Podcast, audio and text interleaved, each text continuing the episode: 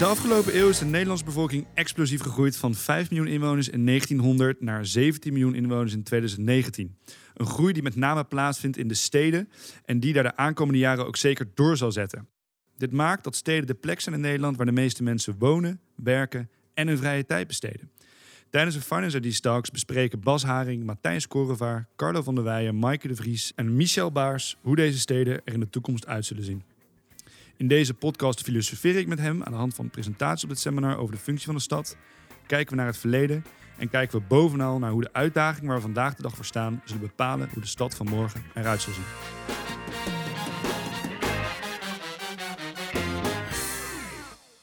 We beginnen met Thomas Heidendaal. Die is verbonden aan Finance IDs. Thomas, dit is de vierde keer dat Finance dit uh, evenement organiseert, de Finance IDs Talks. Uh, jullie organiseren dit jaarlijks. Kan je mij vertellen waarom uh, dit evenement wordt georganiseerd? Wat is het idee erachter? Het idee is heel simpel en in één woord uit te leggen: inspiratie. Um, inspireren van alle mensen die hier zijn. Dat zijn onze opdrachtgevers en onze samenwerkingspartners, collega's, oud-collega's. Dus iedereen die verbonden is en was aan Finance inspireren. En ieder jaar dan uh, kiezen we voor een thema. Dit jaar is dat de toekomst van de stad. Wat maakt dit thema nu zo relevant? Waarom hebben jullie ervoor gekozen? Nou, het thema is relevant omdat alle uitdagingen van onze klanten, hè, met name natuurlijk de corporaties, de zorg, maar ook de vastgoedbeleggers, die komen allemaal samen in die stad. Uh, we zien dat uh, er een grote groep, met name alleenstaande ouderen, komt in de stad. De komende 10, uh, 20 jaar gaat die groep aanmerkelijk toenemen. We zien tekorten aan woningen. We zien eh, uitdagingen op het gebied van klimaat in de stad. mobiliteit, ook een belangrijk thema. Dus alle uitdagingen die onze klanten, waar onze klanten de komende 10, 20 jaar voor staan, die komen allemaal samen in die stad. En daarom hebben we voor het thema toekomst van de stad uh, gekozen. Ja, daar, daarom moet er vooruitgekeken gaan worden. Moeten we daarom gaan moet er vooruitgekeken worden. En daar willen we graag inspiratie voor dienen. Hè? Want als je vooruit wil kijken, moet je gaan nadenken over de toekomst. En we hopen vanmiddag hier uh, aan alle aanwezigen een beeld te schetsen van die toekomst op basis van de historie, hè, trends. Wat kunnen we daarvan leren? Maar ook natuurlijk wat verwachten voor de toekomst. Zodat mensen op die manier geïnspireerd worden hoe ze nou, de komende periode om kunnen gaan met al die uitdagingen. Ja, duidelijk. Um, wat zijn je verwachtingen voor vandaag? Waarmee hoop je uh, uh, naar buiten te lopen aan het einde van de dag? Ik hoop dat ik zelf heel veel geleerd heb. Geleerd heb over uh, de historische trend op het gebied van demografie.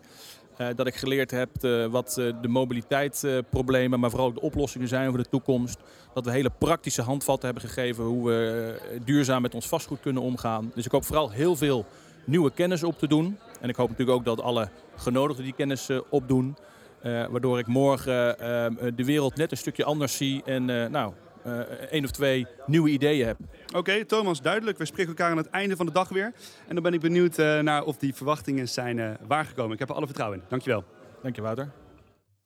Schrijver en journalist Jeroen Smit is dagvoorzitter bij de Finance These Talks en ziet structuur in de uitdagingen waar de stad voor staat en de sprekers die ons vandaag laten zien welke oplossingen daarbij kunnen horen.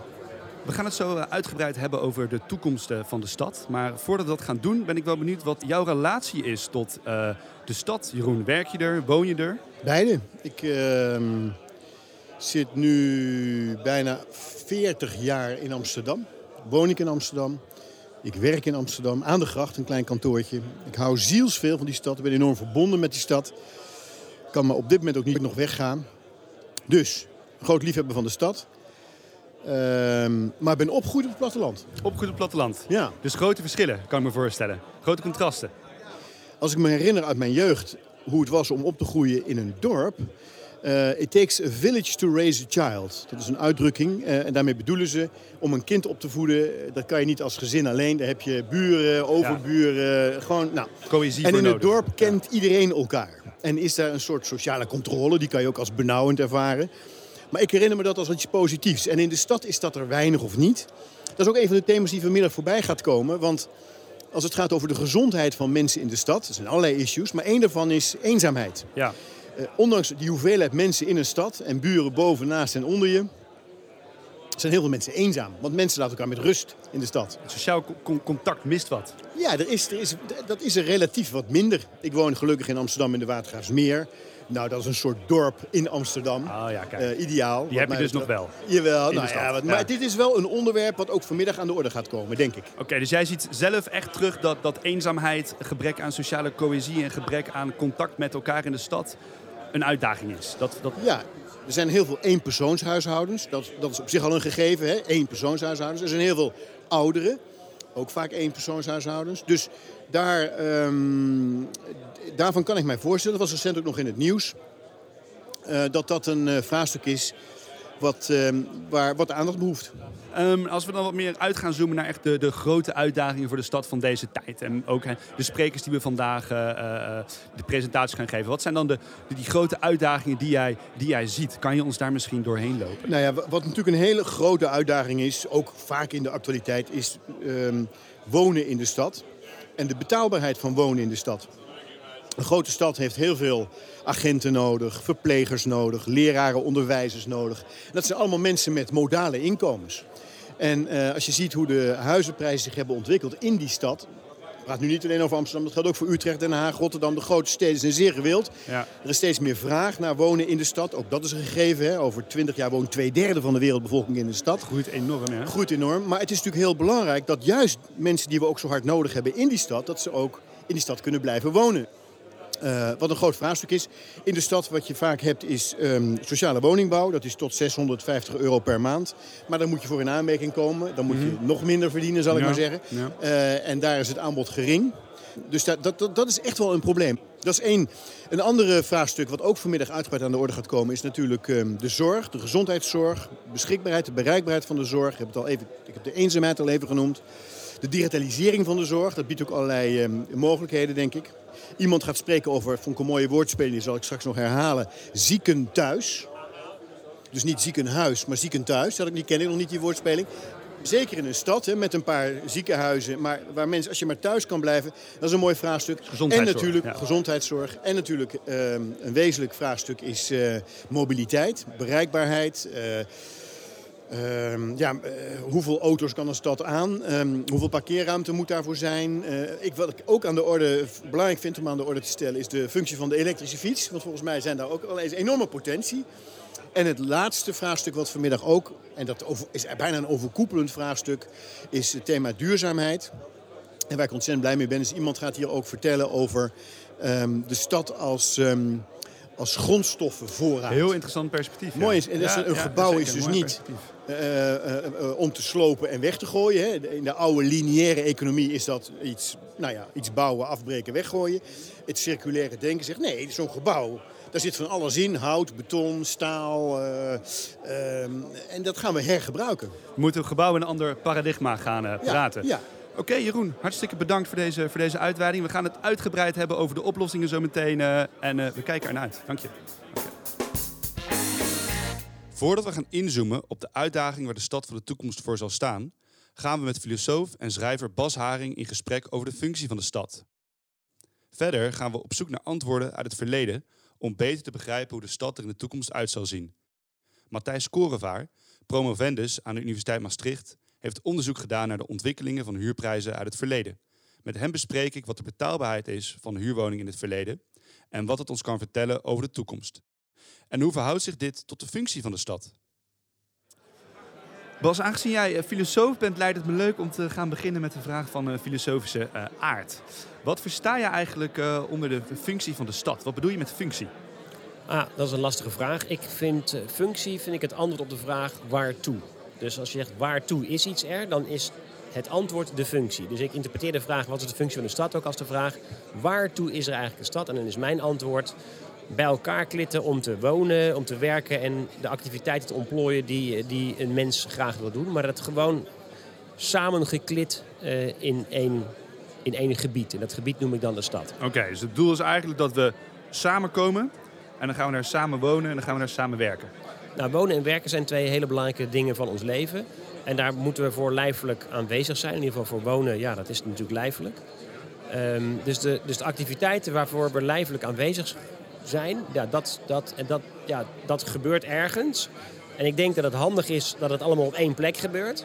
En dat is dan de stad. Zaken als uh, agrarische zaken, recreëren, et cetera, dat moet dan buiten de stad Dat gebeuren. gebeurt precies in het andere gebied, namelijk niet in de stad. Niet in Ja. de stad, de tegenstelling. Ja. Duidelijk, oké. Ehm, Matthijs, eh, jij, hebt, jij hebt onderzoek gedaan naar eh, betaalbaarheid van de stad. Wonen is een belangrijke functie van de stad, ofwel betaalbaarheid is eh, super relevant. Kan je ons misschien gaan vertellen hoe de betaalbaarheid van de stad in de afgelopen eh, eeuwen zich heeft ontwikkeld? Ja, eigenlijk is het eh, goed nieuws, want eh, wonen in de stad is eigenlijk nog nooit zo betaalbaar geweest. Dus als je nu een uur werkt, dan krijg je daar gewoon veel meer woonruimte voor dan eh, 100, 500 jaar geleden. En dat is eigenlijk iets wat we in de afgelopen eeuw voor elkaar hebben gekregen. Dus eigenlijk was het zo'n beetje tot 1900, 1914 was het zo dat als de stad groeide, dan gingen de huren omhoog, dan gingen de lonen ook wat omhoog. Maar ja, uiteindelijk was je niet beter af. En nu is eigenlijk voor het eerst het, eigenlijk het geval dat dat de lonen veel harder omhoog zijn gegaan dan de huren. Dus het is nu ontzettend betaalbaar om in de stad te wonen. Nou, dat is natuurlijk compleet anders dan wat men over het algemeen de perceptie die mensen hebben. En dat komt omdat mensen kijken, wat betaal je in de stad ten opzichte van het platteland? Ja, dat verschil is natuurlijk groot, maar dat was ook al groot in 1500, 1600. Oké, dus als we eigenlijk kijken naar die, die functie van wonen faciliteren en, en samen klitten op, op, op, op één locatie, is jouw stelling eigenlijk in de afgelopen eeuw hebben we die functie van wonen steeds beter en steeds beter en steeds beter kunnen faciliteren. Ja, dat het betaalbaarder ja, ja, is ja. geworden. Ja, en natuurlijk is de belangrijkste reden is natuurlijk dat we met z'n allen productiever zijn geworden. Dat we meer zijn gaan verdienen. eh, dat we betere eh, mogelijkheden hebben om goede woningen te bouwen. Eh, een belangrijk onderdeel is ook dat het veel gelijker is geworden. De samenleving was vroeger veel ongelijker. Dus dat betekent dat sommige mensen hutje-mutje, nou ja, in een, eh, bij wijze van spreken in de Jordanen een paar kubieke meter eh, ademruimte per persoon hadden.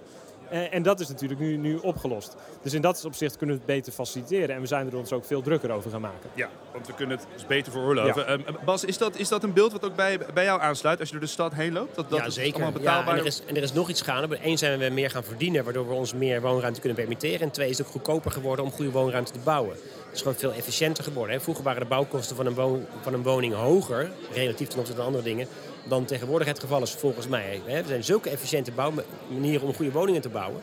Dus ja, het is gewoon goedkoper geworden om in een stad goed te wonen. Oké, en als we nou naar, naar de toekomst gaan kijken. Ik bedoel, je, je leest eigenlijk overal dat, dat er sprake is van meer en meer verstedelijking. Dus meer en meer mensen trekken naar de stad toe. Ehm, wat betekent dat voor betaalbaarheid in de toekomst, eh, Matthijs? Nou, ik denk vooral dat als, we, als meer mensen in de stad willen wonen, deel ik de visie eh, van, Bas. In het zin van dat als we meer gaan bouwen en dichter op elkaar gaan zitten, dan kunnen dus meer mensen in dezelfde stad wonen, op diezelfde ruimte. Dus ik denk dat als meer mensen in de stad gaan wonen, dat de enige manier is dat we minder ruimte per persoon gaan hebben of meer in de lucht gaan bouwen, omdat we op die manier meer mensen in de stad kunnen faciliteren. Wat ik wel een soort van interessante observatie vind, is dat we, we zien dus dat mensen dichter op elkaar kunnen wonen of wellicht gaan wonen. En, eh, en economen denken er vaak over na dat je een soort van agglomeratievoordelen hebt. Dat als we met z'n allen dicht bij elkaar zitten, dat we dan productiever zijn. Eh, maar het is, wat is een soort interessante paradox eigenlijk, is dat het klopt denk ik wel dat mensen op het platteland gelukkig zijn. Ik bedoel, in de geschiedenis, in de stad, was gewoon 3% van de mensen zo'n beetje per jaar, die ging dood. Dat was veel lager op het platteland. Dus de levensverwachting was heel laag. Je woonde hutje-mutje en je moest heel veel huur betalen. Maar toch kozen die mensen er continu voor om naar de stad te gaan. Omdat daar denk ik de kansen liggen. Dus op een of andere manier willen mensen dat opgeven voor die economische kansen. Ja, of ze daar gelukkiger van worden, dat is misschien weer een filosofische dan een economische vraag. Want als je mensen dan nog weer rijker zijn, dan kopen ze een huisje in het platteland om daar gelukkig te kunnen worden. Dus volgens mij is het noodzakelijkheid dat je, dat je naar de stad moet. Het kan niet anders, want daar, daar, daar vindt het plaats. En als je, heel veel, als je heel rijk bent, je kunt je heel veel permitteren, dan kun je het je weer permitteren om naar, die, eh, om naar de ruimte te gaan. Ehm, en daar word je natuurlijk uiteindelijk gelukkiger van, denk ik. Dus die paradox kwaliteit-efficiëntie, die bestaat niet per se. Het is vooral zo, we moeten naar de stad toe. Dan moeten we daar efficiënt invulling geven aan die stad. En dan kunnen we vervolgens weer naar buiten toe om weer invulling te geven aan onze levenskwaliteit. Sluit je je daarbij aan, eh, Matthijs? Ja, je, je hebt natuurlijk altijd dat de stad natuurlijk een soort de, de plek is waar kansen zijn. Hè? Dus dat betekent dat de mensen zijn die, die het maken in de stad en die uiteindelijk die, die mooie woning op het platteland, eh, hè, in dat, eh, met, met die varkens, met die, eh, in het groen, dat je dat kunt veroorloven. Maar ja, er zijn natuurlijk ook mensen die het niet maken. Dus dat is ook een plek waar je veel risico neemt. En die zitten daar wellicht de rest van hun leven en die komen uiteindelijk in een mindere wijk terecht. Ehm, dus dat is het ook. De stad is altijd een plek geweest, denk ik, waar, waar kansen zijn, maar ook dus veel risico is. Dus cruciaal is dat op die plek waar al die mensen samen klitten, dat we ervoor zorgen dat de levenskwaliteit daar ook goed is. En dat we de uitdaging om dat te waarborgen, dat we daar goede oplossingen voor hebben. Ehm, daar gaan we ze uitgebreid over hebben. Hartelijk dank, eh, heren, voor, uh, voor dit gesprek. We staan dus voor grote uitdagingen om de functie van de stad te waarborgen. Met de volgende drie gasten praat ik verder over hoe zij tegen deze uitdagingen aankijken, hun oplossingen en hun visie over de toekomst van de stad. We beginnen met Carla van der Weijer, directeur Smart Mobility aan de Technische Universiteit Eindhoven. Daarna spreken we met Maaike de Vries, oprichter en eigenaar van Spring, een bureau voor innovatie en strategie in de zorg. Tot slot praten we met Michel Baars, eigenaar van New Horizon Urban Mining. Het is een aantal keren aan bod gekomen. De stad wordt steeds voller, terwijl tegelijkertijd ook uh, uh, klimaatproblematiek uh, en voller worden, de vergrijzing vraagt om slimme oplossingen met betrekking tot bijvoorbeeld vervoer en mobiliteit. Um, voordat we ingaan op jouw visie, hoe we hiermee om kunnen gaan, even kort aan jou de vraag. Hoe zie jij mobiliteit, Carlo? Heel abstract gezien zie ik mobiliteit als een menselijke behoefte. Heel veel mensen zeggen dat mobiliteit maar een middel is om van A naar B te komen. Ik zie het als doel. Mensen zijn altijd iets meer dan een uur per dag onderweg geweest. Dus actief zijn omgeving aan het, aan het veranderen. En dat blijven we altijd doen. En dat zit altijd iets boven een uur. En dat is de constante. En hoe we het doen, verandert wel. Dat verandert continu. En ik vond het uh, erg interessant hoe jij, hoe jij aankaartte dat het heel lastig is om in de toekomst te voorspellen wat we met mobiliteit uh, gaan doen. Kan je misschien uitweiden waarom dat, wat het zo moeilijk maakt om dat te voorspellen? Nou, dat gaat eigenlijk voor alle technologieën in exponentieel veranderende tijden. Uh, de toekomst is altijd moeilijk te voorspellen geweest, zeker als je het van tevoren probeert. Um, maar, maar, dat gaat dus alleen maar lastiger worden omdat waarschijnlijk de grootste veranderingen komen van dingen die we nu redelijk stupide vinden. En dat is als je terugkijkt ook wel dat alles wat, wat echt tot een doorbraak heeft gevormd, had je een paar jaar daarvoor niet voor mogelijk gehouden. En dus alles wat we nu niet voor mogelijk houden, zou mogelijk wel eens een keer een doorbraak kunnen zijn. Daarom dat ik ook zeg, uh, als het moeilijk te voorspellen is, is het goed te beginnen met de dingen die niet veranderen. En dat is het feit dat we altijd mobiel zullen willen blijven. En dat, dat is een zekerheid, dat is een constante? Ja, ja, ja, zelfs als je alle spullen naar mensen brengt, al hun eten, al hun pakketjes, alles wat ze maar nodig hebben. Dan nog gaan de mensen er een ruim uur op uit om maar onderweg te zijn. Oké, en er was eigenlijk één, één, één uh, quote die jij aanhaalde in jouw presentatie een mogelijke oplossing die ik interessant vond. Het gaat over efficiëntie. Namelijk, a city doesn't need driverless cars, a city needs carless drivers. Ja, dat klopt. De, de zelfrijdende auto die als oplossing voor heel veel problemen wordt gezien, zie ik als een ontzettende moeilijke oplossing op zoek naar een probleem. Ja, we maken ongevallen, dat doen de zelfrijdende auto's niet. Wordt in ieder geval vaak gezegd, nou, als je techniek hebt om zelfrijdende auto's volledig veilig te maken, zou je die techniek ook gewoon op auto's met chauffeur kunnen neerzetten, dat die gewoon ingrijpen als het zover is. Dus nee, dat is geen argument. Kosten wordt vaak gezegd, hè, dat je die auto's meer kunt delen. Auto's worden zo verschrikkelijk goedkoop dat kosten er gewoon niet meer toe doen. Mm -hmm. dus eigenlijk, eigenlijk, zie ik het probleem niet echt waar je het zou doen. En het grote negatieve is, waarom een stad het niet nodig is, dat een zelfrijdende auto uh, nog steeds erg ineffectief met de ruimte omgaat. Exact, ja. ja, ja. En wat, wat, kan je daarover uitweiden? Hoe kunnen we effectiever omgaan met die ruimte? Ja, dat wordt, in technisch termen heet dat de corridorcapaciteit. Hoeveel mensen kun je in één richting over een bepaalde corridor eh, bewegen? En dat wordt dan uitgedrukt in het aantal mensen per uur per zeg maar, strook van 3 meter. De trein zit rond de 10.000 in Nederland. Kan theoretisch veel hoger, maar door allerlei veiligheidsnormen halen is dat niet. De auto zit daar veel slechter, 2000. Fiets 15, 20.000 voetgangerpaden veel hoger. Metro ook heel erg hoog. Bussystemen gaan nog verder hoger. Dus je moet gewoon kijken hoe effectief kan ik met de ruimte omgaan om bepaalde mensen een stad in te duwen. En als openbaar vervoer of fietsen is simpelweg ja. veel, vele malen effectiever dan, dan zo'n een, een driverless car qua te gaan. Ruim, qua ruimte ja. wel, maar openbaar vervoer kost altijd subsidie. Fiets levert ook de overheid nog geld op. Vandaar moeten we altijd kijken, kunnen wij alles bereikbaar maken met fiets? Als dat niet lukt, dan ga je kijken wat je met openbaar vervoer moet doen. Dus de Noord-Zuidlijn bijvoorbeeld in uh, Amsterdam, dat had gewoon een overdekte fietstunnel moeten zijn. Dat was veel verstandiger geweest. En met geld wat je bespaart had, had je elke toerist een elektrische fiets kunnen geven. Mm -hmm. Die ze ook nog mee naar huis kunnen nemen, was je nog goedkoper uit. Oké, okay, duidelijke, duidelijke taal. Um, andere oplossing waar je het ook over, over hebt gehad, is uh, wellicht dat we in plaats van meer in de stad te gaan wonen, ook wat meer buiten de stad ja, kunnen gaan wel, kijken. Wel in stedelijke gebieden. Die, die Verenigde Natie-norm die altijd zegt van nu wonen 40 mensen in de stad, dat worden 70 procent. Dat, als je dat goed kijkt, bedoelen ze stedelijk gebied. Volgens die norm is Nederland 93% stedelijk gebied. Dus alles wat wij dorp vinden hier, vindt de Verenigde Naties al stedelijk gebied. Wij hebben niet echt non-stedelijk gebied. Dus eh, ja, we gaan allemaal in stedelijke gebieden wonen. Maar het kan ook best de platte stad zijn, de grote dorpen. De, eigenlijk model zoals wij in Nederland altijd gekend hebben. Ik zie dus niet dat wij alles moeten gaan concentreren op bepaalde punten. Uh, dus die enorme trek naar de steeds verdichtende stad.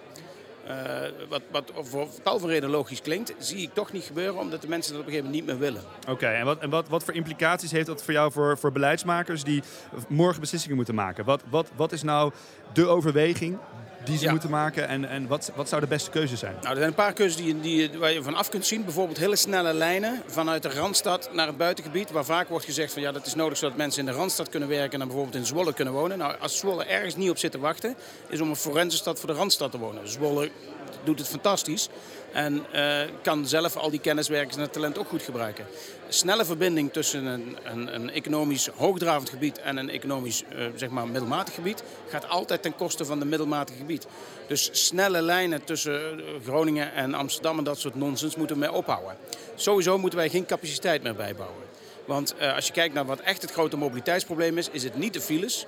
Die kosten helemaal niet zoveel geld als iedereen overdrijft de, de veiligheid en, en de milieubelasting door mobiliteit is vele malen hoger, de kosten daarvan, dan die van files. Dus capaciteit bijbouwen levert alleen maar meer ongevallen op en meer vervuiling. Dus dat is onder de streep een ontzettend stom iets om te doen. Ja. En bovendien, je lost de file er niet meer op. Want het is, uh, ja, er, er, er, komt gewoon weer meer verkeer bij. Ja, en dat is echt zo. Dat is zeker in, er is genoeg latente vraag om dat weer op te vullen. Stel het probleem eigenlijk uit. Ja, je kunt wel blijven, blijven bijbouwen totdat je er als Los Angeles uitziet. En zelfs Los Angeles heeft nog meer files dan wij. Okay. Dus dat gaat nooit opgelost worden. Wat is wel de juiste keuze? De juiste keuze is om te investeren om het vervoer beter te maken, plus wat meer te maken. Dat is eigenlijk mijn oproep. En beter wil zeggen dat je al versneld probeert je wagenpark veel veiliger te maken. 50% van de ongevallen die vandaag gebeuren hadden voorkomen kunnen worden met techniek die op de plank ligt. Ja. Zorg dat die techniek sneller in auto's zit. Uh, ga, ga, heel je infrastructuur anders inrichten dat die er veiliger uitziet. Mm -hmm. Dat is allemaal veel veiliger dan, maar, of, sorry, veel goedkoper dan allemaal bijbouwen. En dus ga meer op kwaliteit dan op kwantiteit investeren. De toegevoegde economische en maatschappelijke waarde van nog meer capaciteit, zodat wij nog verder gaan reizen, die is erg ver te zoeken. Dan okay. krijg je heel bizar en pervers en elitair reisgedrag. Veel en veel meer vliegen bijvoorbeeld, doe je daarop? Vliegen is het grootste probleem, denk ik, wat het niet tegen te houden is. Men, dat haal je niet meer bij mensen weg. Veiligheid, effectiviteit. Zijn, ja, dat, zijn dat de twee sleutelwoorden? Veiligheid, de, de, de, de, de zuiverheid, de, de sustainability, zeg maar de duurzaamheid van de voertuigen. En uh, dan een heel eindje niks. En dan ga je een paar knooppunten oplossen. Want je moet ruimte besparen. Het moet ook allemaal wat stiller worden. En het moet wat mooier worden. Okay. Ik denk dat wij met al die infrastructuur het landschap wel behoorlijk aan het verpesten zijn. Super. Oké. Okay. Nou, Carlo, dankjewel. Duidelijke taal. Graag gedaan.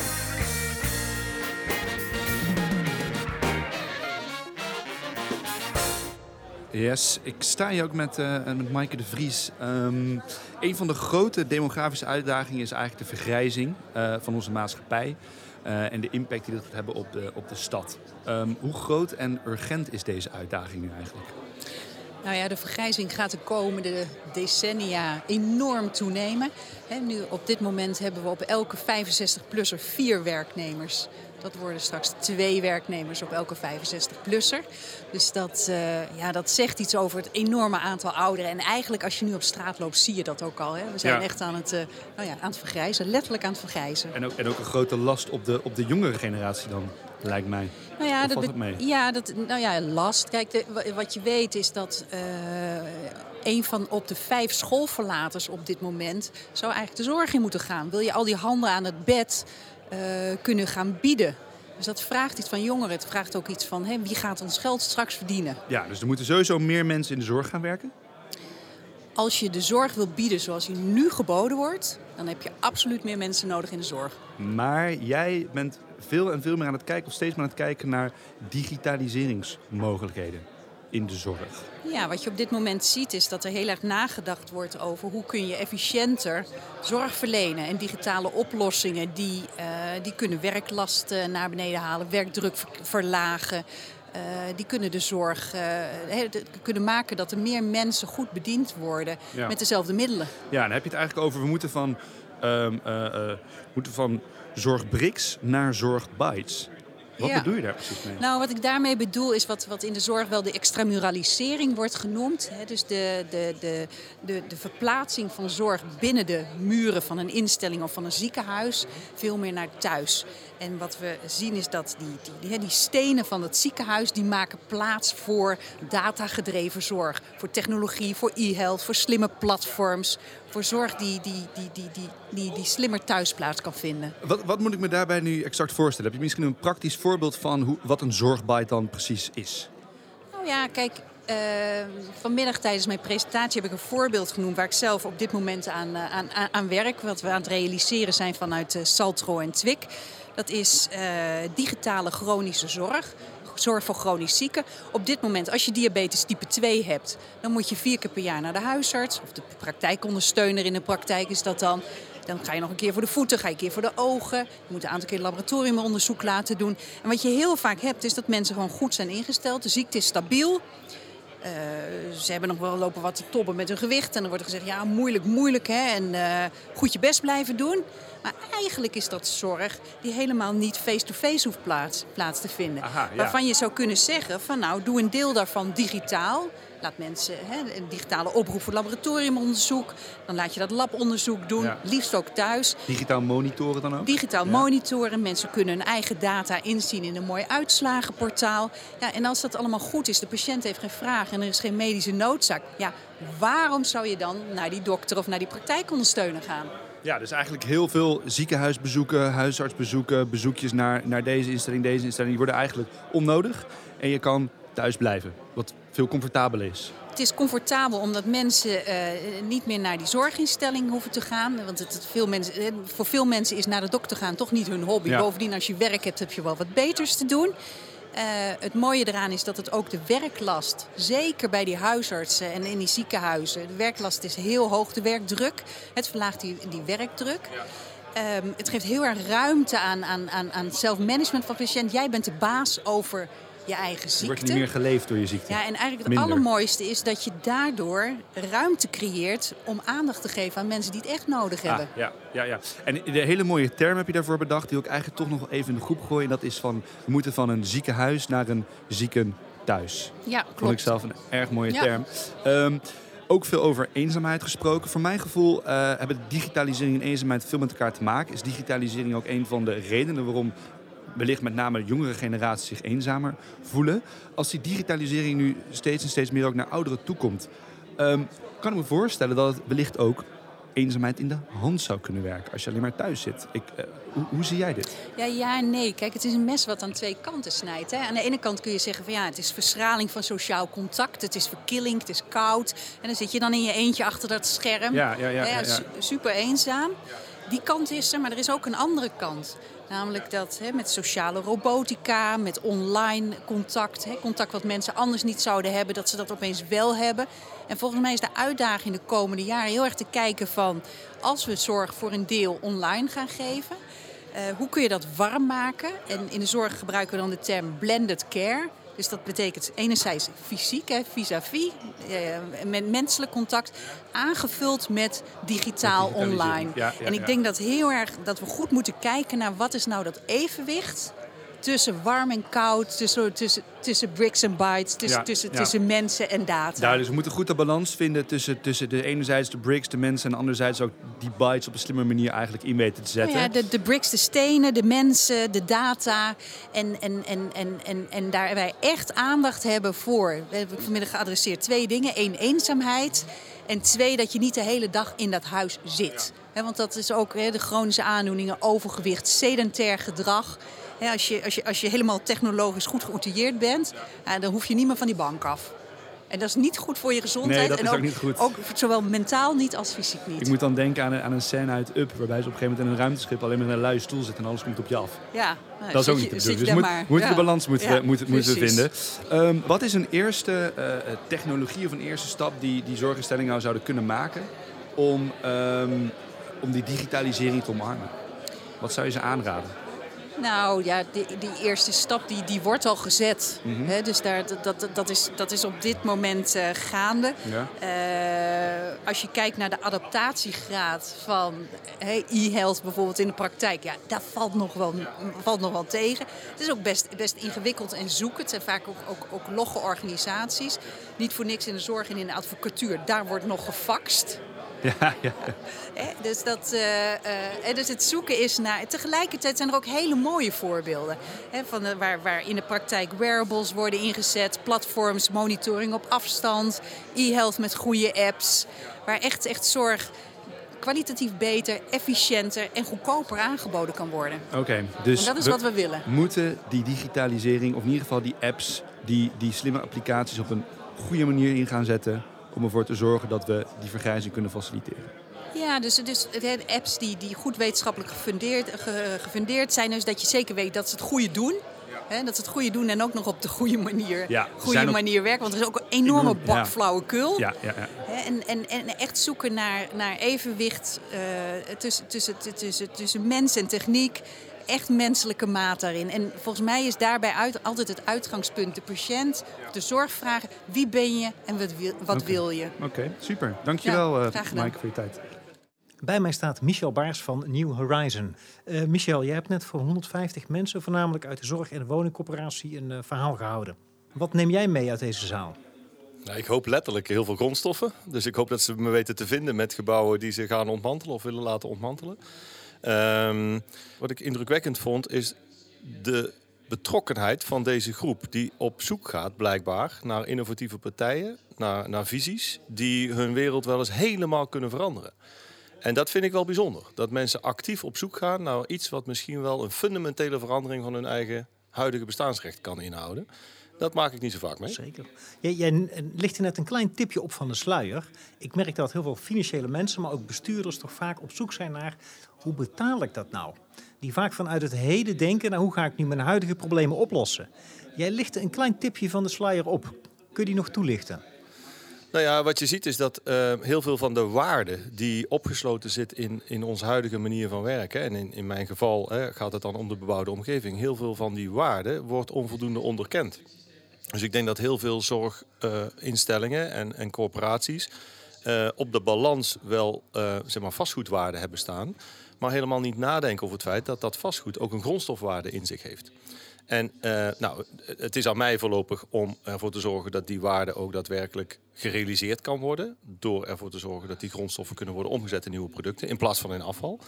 Maar het besef dat dat er aankomt en voor een groot deel ook nu zelfs al is, ja, dat is wel een belangrijke nieuwe dimensie, denk ik, die misschien ook wel andere dingen mogelijk maakt. Wat zou dat dan mogelijk kunnen maken?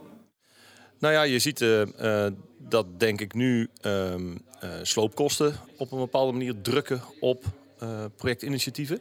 Dan denken ja, luister, we moeten toch, we moeten één afwaarderen en twee moeten we eerst ook nog kosten maken voordat we überhaupt iets nieuws kunnen doen. Maar naar de toekomst toe zou je ook nog kunnen nadenken, ja, het bouwen van iets nieuws ehm, hoeft in de toekomst niet in te houden dat je ook eigenaar wordt van al die spullen. Dus ja, en als dat niet meer hoeft, en dan zijn andere mensen die die beleggingswaarde van die grondstoffen inzien, ja, dan kun je dus een zorginstelling gratis bouwen. Maar dan raak ik in de war. Ik ben eigenaar van vastgoed, maar je zegt eigenlijk in de toekomst ben ik geen eigenaar van vastgoed meer. Nou, vastgoed wordt van iemand anders. Ja, je bent denk ik eigenaar van een fantastische plek. Of je bent faciliteert een bepaald proces. Um, um, en dat doe je natuurlijk op, binnen jouw vak op de meest slimme manier. Maar ja, andersom bedacht. Nergens staat in de statuten van een woningcoöperatie dat ze eigenaar moeten zijn van grondstoffen. Ze moeten sociale huisvesting faciliteren. En als ze dat kunnen doen op een manier sober en doelmatig, die beter is dan het huidige model, ja, dan mag dat ook zonder grondstof op de balans. En als ik nu kijk naar corporaties, afhankelijk van hoe je het vastgoed waardeert, maar 200, 300 miljard wordt het nu gewaardeerd in de balans. Hoe zou jij dat vastgoed waarderen? Hoe waardeer jij de grondstoffen die daarin zitten? Ja, waarderen is altijd uh, dat is een beetje ingewikkeld. In, Nederland hebben we daar niet goed een onderscheid in, in, in woordkeuze. Maar in het Engels heb je value en je hebt worth. En uh, value is iets wat zich bewezen heeft en waar je validatie op kunt doen. En worth is, nou ja, minder gevalideerd en wat je hoopt dat het misschien gaat zijn. Ik kan op grondstofniveau nog niet tot een value komen, want we hebben gewoon simpelweg geen track record. Dit is ook waar het vastloopt in het huidige uh, lineaire model van kijken naar financieringen. Uh, maar we zijn nu gestart met, uh, met Jones Lang LaSalle om in de commerciële taxaties, dus in de valuation van onroerend goed, grondstofwaarde op te nemen. En daarmee eigenlijk de worth van die grondstofpositie alvast te gaan benoemen. In de hoop dat die zich de komende jaren gaat ontwikkelen. En ik een markt kan aantonen waarmee we uiteindelijk die worth kunnen omzetten in een value. Ja, en dan, komt die, dan komen die honderden miljarden er ook in een heel ander perspectief te Ja. staan. Want je bent nu slechts 2,5 jaar bezig met je onderneming. Met een hele track record natuurlijk. Waar staan we over vijf of tien jaar? Heb je daar enig beeld van al? Nou, een we hoop zijn, en ambitie? Ja, we zijn denk ik niet heel ver weg van het moment waarop in ieder geval het ontmantelen van gebouwen in Nederland gratis is. Eh, dan kost het nog steeds wel geld om het te doen, maar dan is de waarde die je eruit haalt eh, eh, minimaal voldoende om de kosten te dekken. Ik denk dat we binnen 2,5 jaar vanaf nu grondstoffondsen hebben waarin mensen gaan beleggen. Ehm, waarin we positie houden. En waarvanuit ook ehm, zeg maar, allerlei eisen komen aan de bouw. Over hoe dan met die grondstoffen die het eigendom zijn van mensen met spaargeld. toegepast mogen worden. En ja, dan ga je losmaakbaarheid in de bouw eh, creëren. En dat zal de grootste driver zijn voor een circulair economisch model. Ik heb een keer een andere eh, ondernemer horen zeggen: only if I own it. Als we nou met z'n allen eigenaar van de grondstoffen gaat worden, gaan Ja. we dan niet echt betrokken worden en gaan we met z'n allen de passie voor circulariteit vinden? Ja, al is het wel zo dat, eh, eh, denk ik, de, de, de- de waarde van bezit eh, ook een beetje op losse schroeven staat. Hè. Het is de functionaliteit die je wil bezitten. Ehm, maar de andere, misschien een mooiere emotie is nog wel trots. Ik denk dat als we, we hebben allemaal een hekel aan verspilling. Als we kijken wat we verspillen nu aan grondstoffen, dan zou dat eigenlijk tegen onze natuur zijn. Ehm, maar we zien afval als iets waar, waar het ook niet nodig voor is om er trots op te zijn. Als we het wat meer gaan zien als iets wat waarde heeft, welke waarde dat dan ook is, of dat nou sociaal-maatschappelijk is, of op betrokkenheid of geld, maar dat we wat trotser worden op wat we hebben, ja, dan zul je wel verspilling willen tegengaan. Mooi gezegd. Laatste vraag. Mensen kijken over een maand nog terug op waar ze vanmiddag geweest zijn. Wat hebben ze dan meegenomen en wat zijn ze dan aan het doen? Nou, dan hoop ik dat ze deze dimensie in hun besluitvorming hebben opgenomen. Dat ze begrijpen dat ze nu al keuzes kunnen maken die niet per se ehm, duurder zijn of langer duren. Hè, dat er al heel veel mogelijk is binnen de kaders die nu er al zijn. Daar hoef je geen nieuw beleid voor te maken. Maar misschien heb ik een zaadje geplant om dat beleid op de toekomst toch eh, nog wat meer te richten op circulaire economie. Ik weet het wel zeker. Michel, dankjewel. Graag gedaan. We sluiten af met Thomas Heidendaal, die uitweidt over zijn grootste inzichten en lessen van vandaag. Thomas, we hebben het eh, aan, het aan het begin van, van, van de dag gehad over jouw verwachtingen voor eh, dit evenement. Eh, en je wilde graag geïnspireerd worden. Ben je geïnspireerd, Thomas? Ik ben zeer geïnspireerd, Wouter. En het programma, en met name de sprekers en de wijze waarop de interactie was met de zaal en, en het uitdelen van wat het? Het, eh, de prijswinnende boeken vond ik eh, heel goed gevonden. Dus eh, ik, het heeft meer dan aan mijn verwachtingen voldaan. Oké. En, en wat is nou voor jou de, de, de, grootste inspiratie je naar, naar huis loopt? Wat is jou opgevallen? Of waarvan zou je tegen de sectoren willen zeggen... dit moeten we gaan doen? Ik denk voor mij is de, de key takeaway of inspiratie is dat we zien heel veel veranderingen op ons afkomen. En of het dan gaat over mobiliteit of ontwikkeling in de zorg of eh, eh, over, over, de- over het wonen, het toekomstige wonen in de stad gaat. Ehm, dat we met name eh, de menselijke factor ehm, heel hard nodig zullen hebben om dat te doen. We, we staren misschien ons soms wel blind op allerlei technologische ontwikkelingen die al onze problemen gaan oplossen. Maar ik heb vandaag geleerd dat de menselijke inzet en bijdrage en creativiteit daar, ehm, Dat is door, daar door- doorslaggevend gaat zijn. En kwaliteit staat voorop. Ja, de mens gaat die kwaliteit leveren. ja. Precies. Oké, dankjewel eh, Thomas. Grote uitdagingen dus, maar tegenover deze grote uitdagingen staan ook creatieve oplossingen. Bedacht door mensen die op diverse manieren kijken naar de toekomst van de stad en hier op innovatieve wijze invulling aan geven. Samenwerking binnen sectoren, innovatieve oplossingen en bereidheid om deze oplossingen te implementeren zullen cruciaal zijn om de functie van de stad te waarborgen. Aan de slag dus. En wij kijken er naar uit om ook volgend jaar weer met u in gesprek te gaan over hoe we om kunnen gaan met de uitdagingen van de toekomst.